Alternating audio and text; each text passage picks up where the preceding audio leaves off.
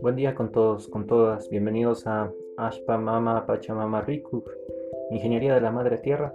Vamos a conversar en este momento acerca de la mitigación del cambio climático. Ya hemos conversado acerca del cambio climático, de sus principales aproximaciones y cómo cambia el clima y cómo se afectan los ecosistemas, la biodiversidad y su pérdida de riqueza y también cómo afecta eso a las personas. Ahora, la mitigación al cambio climático propone así esta reducción de las emisiones de gases de efecto invernadero que están principalmente identificadas en los siguientes sectores. En el sector de residuos, los residuos generan metano, que es un gas de efecto invernadero, em, y tenemos también afectaciones de índole socioambiental en los eh, botaderos, rellenos sanitarios, entre comillas, también eso. Em, los otros sectores, pues el sector de la energía, que es un sector que se ha desarrollado mucho en Latinoamérica en otras partes del mundo también. Eh, se han hecho estudios de factores de emisión para calcular realmente cuántas son las emisiones eh, relacionadas al consumo de energía en un sistema nacional interconectado. Son cosas muy em, técnicas, sin embargo es interesante también eh, estudiar cuáles son las emisiones debidas al consumo y a la generación de energía eléctrica en una nación. Y también pues esta energía está relacionada con la industria, que es el siguiente sector de mitigación. La industria em, tiene emisiones de, dióxido de carbono relacionado principalmente pues a sus actividades en el, Ecuador. Nosotros tenemos em, industria cementera y es uno de los puntos eh, industriales más eh, categorizados para poder medir emisiones de CO2. No tenemos siderúrgica, sin embargo, sería otra, mm, otro sector industrial que se podría pues, estudiar. Ah, adicionalmente a todos estos sectores que hemos mencionado, em, tenemos el sector de usos del suelo y cambios de usos del suelo, que es uno de los sectores que también lo considera el IPCC en sus metodologías anteriores, que Ecuador mantiene una metodología antigua de cálculo de emisiones, sin embargo estamos en una actualización. En esto de usos del suelo y cambios de usos del suelo, pues eh, se da mucho el proceso de avance de la frontera agrícola, la pérdida de eh, masa forestal, de toda esta riqueza que viene interviniéndose también. nosotros estamos cambiando el uso del suelo Mm, también cuáles son los procesos de civicultura que se pueden aumentar ahí. Eh, otro sector es la agricultura. La agricultura como uno de estos sectores de mitigación, ¿qué es lo que buscamos nosotros realmente reducir en la agricultura? Pues también cuáles son nuestros insumos que pueden generar emisiones de carbono, las prácticas agrícolas, em, que también están ahí pues estudiándose, eh, mejorando ¿no? la ganadería intensiva que genera muchas emisiones de carbono. también ahí podemos ver cómo se pueden generar ganadería climáticamente inteligente, que es un concepto también que se enlaza con proyectos NAMAS, de los que vamos a hablar también en este espacio, qué fue lo que sucedió en los proyectos MDL del Clean Development Mechanism, el mecanismo sobre un desarrollo limpio, em, y también acerca del NDC del Ecuador, del NDC a nivel de proceso del Acuerdo de París.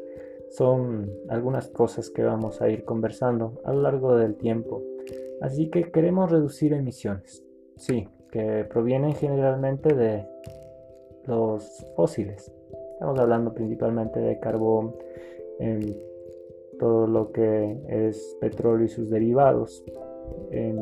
entonces, tenemos nosotros, y gas natural, ¿no? Y tenemos nosotros emisiones relacionadas a estos sectores, a estos, a estos fósiles, ¿no? Que pues nuestras economías han captado toda esta fuente energética para hacer transformaciones industriales. Ahora, por eso hablamos de eh, limpiar la matriz energética, limpiar la matriz productiva de una nación Así que tenemos algunas aproximaciones para este problema.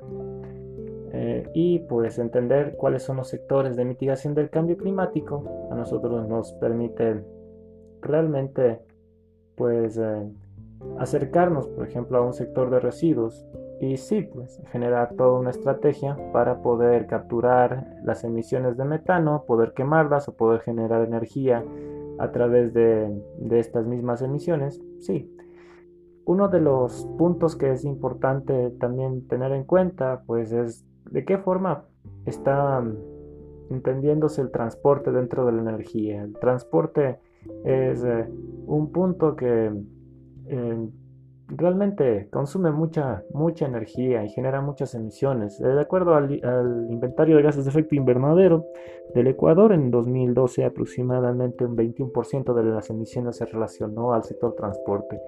Y esto es muy similar a los a los inventarios de gases de efecto invernadero, que también vamos a conversar de ello, de otros países. Estos inventarios, en pocas palabras, pues dan una radiografía acerca de las emisiones de los sectores que les he comentado de mitigación del cambio climático y nos permiten ver cuáles son los sectores que están emitiendo más en una nación y por lo tanto dónde se van a priorizar las políticas de mitigación al cambio climático con todos sus instrumentos, con los recursos financieros, con los recursos humanos suficientes para poder disminuir esas emisiones.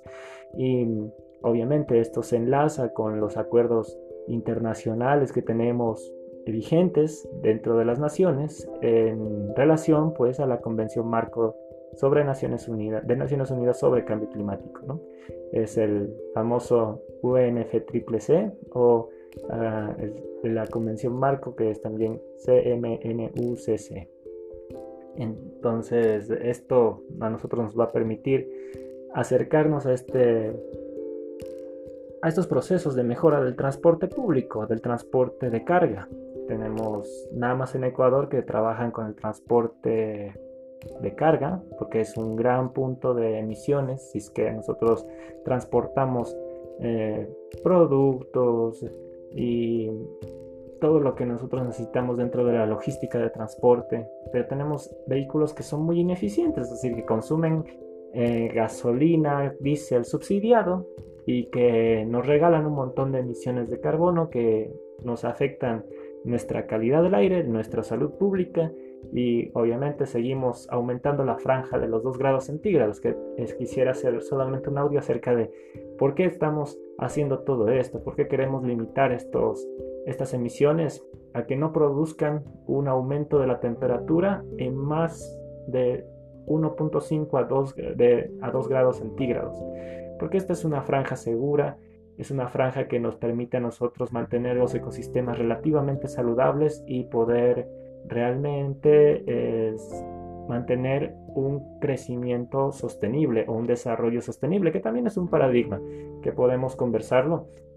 ¿En qué es sostenible? ¿Qué es sostenibilidad? ¿Qué, ¿De qué forma se da el bien vivir? Es una causa ahí dentro de el contexto occidental, pero también del contexto ancestral. Entonces, son, son cuestiones que la mitigación del cambio climático también tiene implícita dentro de la adaptación, porque si nos vamos a adaptar, adaptamos los sistemas humanos al cambio del clima, también hay enlaces con la mitigación que tienen que tomarse en cuenta en la planificación pública y en el entendimiento técnico de la, de la materia que estamos nosotros analizando. Así que este sería como un punto inicial para que te des un contexto de que hay factores de emisión, hay datos de actividad, tú multiplicas un dato de actividad, por ejemplo, cuál es la, las emisiones de metano de un relleno sanitario, me multiplicas por un factor eh, de conversión, un factor de emisión, y tú tienes la cantidad de CO2 que tienes por eh, masa de metano que has logrado identificar en un relleno sanitario y tienes toneladas de CO2 equivalentes. Igual, si tú tienes tu dato de actividad de energía, la energía le multiplicas por un factor de emisión, por, tú determinas una unidad de masa de, por ejemplo, gigatoneladas de CO2 eh, por megavatio eh, generado. Entonces tú vas actualizando las unidades y vas a darte cuenta que todo lo estás transformando a toneladas de CO2 equivalente. Y bueno, de aquí aunque no es lo mismo hablar de un inventario nacional que hablar de un inventario organizacional, tenemos relaciones con la huella de carbono, con el entendimiento de propuestas de carbono neutralidad, ahora que están en boga el asunto de vamos a hacer como naciones carbono neutral a 2050, pero dices que lo vas a hacer, pero no sabes cómo lo vas a hacer y no determinas, sino que se queda en un discurso político en Naciones Unidas. Eso también está mal, porque los NDCs, los procesos, los proyectos, las estrategias políticas tienen que ir vinculadas con, la, con los hechos con todas las estrategias que se están dando en territorio, con lo que se está desarrollando un país, para poder garantizar no solamente una palabra de un político por ave tiempo en, un contexto internacional, sino porque estamos hablando de seguridad planetaria. Seguridad planetaria a nivel de ecosistemas y eso es realmente asegurar nuestra existencia pues en este planeta que tanto le debemos y que realmente eh, podemos mejorar nuestra relación con el planeta, que es una relación con nosotros mismos. Así que esto sería como una pequeña introducción acerca de la mitigación del cambio climático, siempre haciéndote referencia a que puedas leer y ahondar en esta información en las comunicaciones nacionales de tu país. Eh, tú entras a Naciones Unidas y puedes averiguar, consultar las eh, comunicaciones nacionales. Seguramente podrás tener en tu país cuatro comunicaciones nacionales. En Ecuador se está construyendo la cuarta comunicación nacional. Ahí podrás enterarte mejor de tus inventarios nacionales, de los sectores de mitigación que están priorizados en tu nación. Y puedes compartir, compartir conocimiento y pues nos vemos pronto. Eh, no te olvides de visitar la Ingeniería de la Madre Tierra y ahí puedes tener mi contacto, mi correo electrónico y pues generar conocimiento, compartir juntos. Así que Yupaichani Mashikuna, muchas gracias compañeros, compañeras, que tengan un buen día.